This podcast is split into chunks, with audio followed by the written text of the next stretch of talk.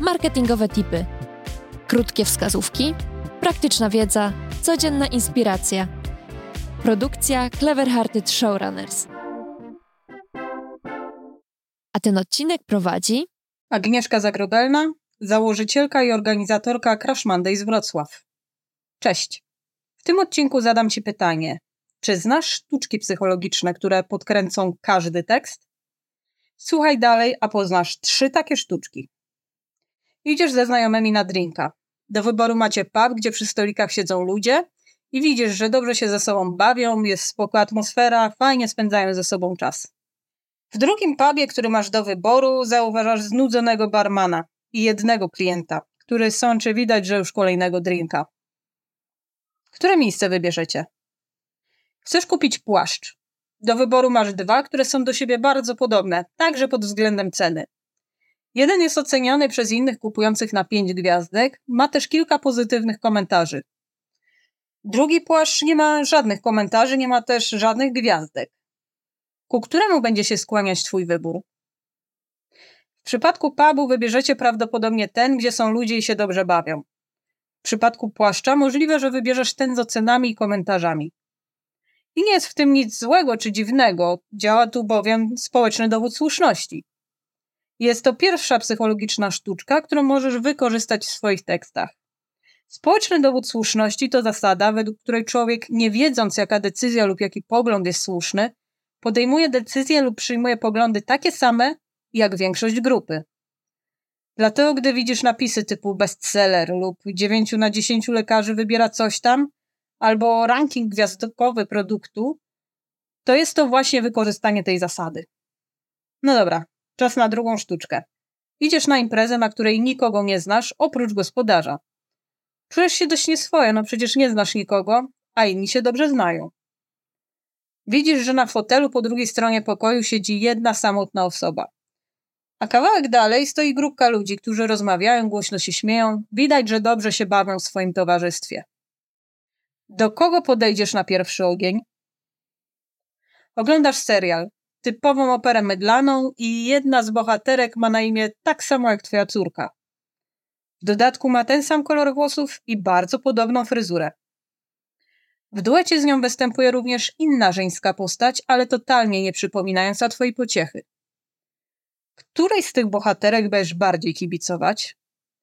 W pierwszym przypadku, zwłaszcza jeśli tak jak ja, jesteś osobą introwertyczną, wybierzesz samotnego imprezowicza. W drugim, bohaterkę przypominającą twoją córkę. Dlaczego? Za to akurat odpowiada ukryty egoizm. Jest to tendencja do oceniania czegoś lub kogoś przez pryzmat związków z własną osobą. Innymi słowy, wybieramy to, co jest do nas podobne lub ma z nami jakiś związek. I tę sztuczkę oczywiście możesz wykorzystać w swoich tekstach. Jest tylko jedno ale. Aby ona zadziałała, musisz bardzo dobrze znać swoich odbiorców, by znaleźć tę nić łączącą Twoją opowieść z odbiorcą. Dlatego niech żyje empatyzacja. No dobra, czas teraz na ostatnią, trzecią sztuczkę. Pewnego dnia, wracając z pracy do domu, przechodziła obok ekskluzywnego butiku. Zazwyczaj nie interesowała się tym, co tam było. I tak nie mogłaby sobie pozwolić na nic z tego sklepu. Tym razem kątem oka zobaczyła ją na wystawie. Zieloną sukienkę. Dokładnie taką, jaką chciała mieć, gdy była dzieckiem. Wyobrażała sobie, że jako dorosła osoba będzie chodziła tylko w takich sukienkach. No i odkąd zobaczyła tę zieloną sukienkę na wystawie sklepowej, wiedziała, że kiedy się kupi. Jednak cena jej była niestety dość wysoka jak na jej zarobki. Stwierdziła jednak, że warto się poświęcić i żyć trochę skromniej, by odłożyć potrzebną sumę. Przez kilka miesięcy odmawiała sobie zachcianek typu jedzenie na mieście lub poranna kawa na wynos z pobliskiej kawiarni. Miała już odłożone 70% potrzebnej kwoty. Wracając do domu, przechodziła obok tej wystawy i zobaczyła, że ta wspaniała zielona sukienka została przeceniona o 50%. Pewnie mózg podpowiada ci zakończenie tej historii. Że dziewczyna aż podskoczyła z radości, że wbiegła do sklepu i kupiła tak upragnioną sukienkę. I pewnie takie zakończenie nie byłoby dla ciebie żadnym zaskoczeniem. Tu właśnie wkracza sztuczka numer 3, czyli błąd dostępności. Czym on jest? To naturalna skłonność każdego z nas. Powoduje ona, że oceniamy prawdopodobieństwo wystąpienia jakiegoś zdarzenia.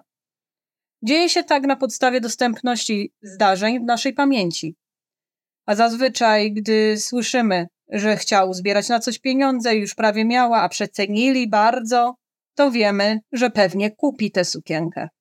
Błąd dostępności wykorzystaj w swoich tekstach, by zaskoczyć czytelnika, bo jak wiesz, nie ma nic gorszego niż nuda w tekście.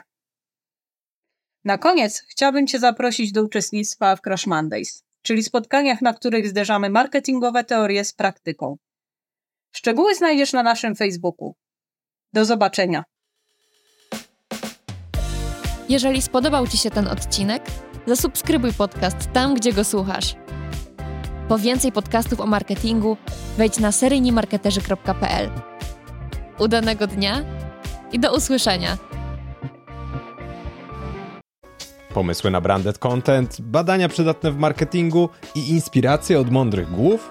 To wszystko i więcej znajdziesz co dwa tygodnie w newsletterze Cliffhanger.